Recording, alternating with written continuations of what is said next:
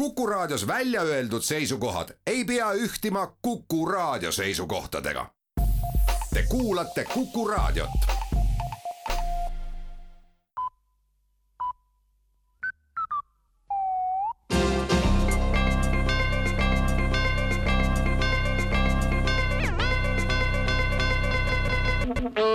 tere kuulajatele, uudistega eetris Rohke Debelak valitsuses on laual põhjalik riigireformi kava, mis näeb ette erasektori senisest suurema kaasamise riigile olulistes valdkondades. eelnõu kohaselt ei moodustataks juba lähemas tulevikus pärast valimisi valitsust, vaid valitsuse töö tellitakse allhanke korras erasektori käest. see tagaks ka suurema vastutuse otsustajate tasandil, siiani ei ole kunagi ühe või teise möödalaskmise või kahjuliku otsuse või tegevuse korral leitud mitte kedagi, kes millegigi eest vastutaks.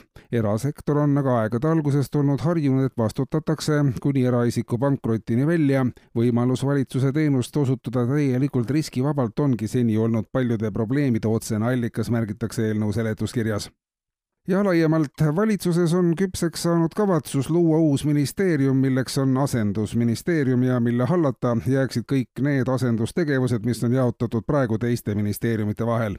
Asendusministeerium võtaks kõik senised asendustegevused ühtse juhtimise alla ja siis on näha, kui palju on ministeeriumitel üldse tegevusi ja kui palju neid tegevusi, mis tegevusi asendavad. kui mõnes ministeeriumis peale asendustegevuste lõppemist enam tegevusi üle ei jäägi, siis saab leida asendusi, et tegevusi ikkagi jätkuks. kui selgub, et nii nagu asendamatuid inimesi ei ole olemas, ei ole ka asendamatuid tegevusi, siis saab edasi minna asendamatute asendustega ja võtta juurde inimesi. kogu keerulise valdkonna kureerimiseks asendusministeeriumi vaja ongi, märgitakse eelnõu seletuskirjas veel annab valitsus teada, et mõistab meditsiinitöötajate ja eeskätt ka meditsiiniõdede olukorda.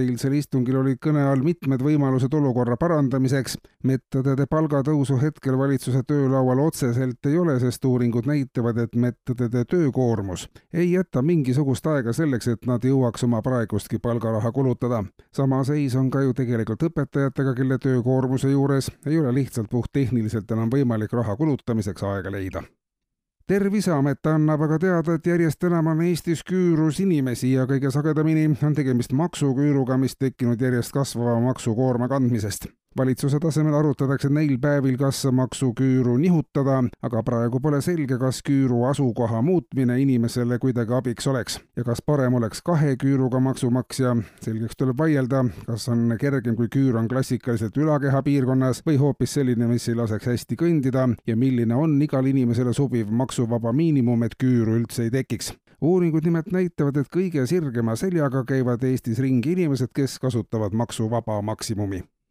ning toidukorvi kallinemine on muutnud inimeste ostuharjumisi, nii teatab värske uuring. enamik enam kui viiendik inimestest märkis, et ostuharjumused on muutunud palju, kümme protsenti vastas, et ostuharjumused on jäänud samaks, kaks kolmandikku aga möönis, et ostuharjumused on teinud läbi märkimisväärse muudatuse.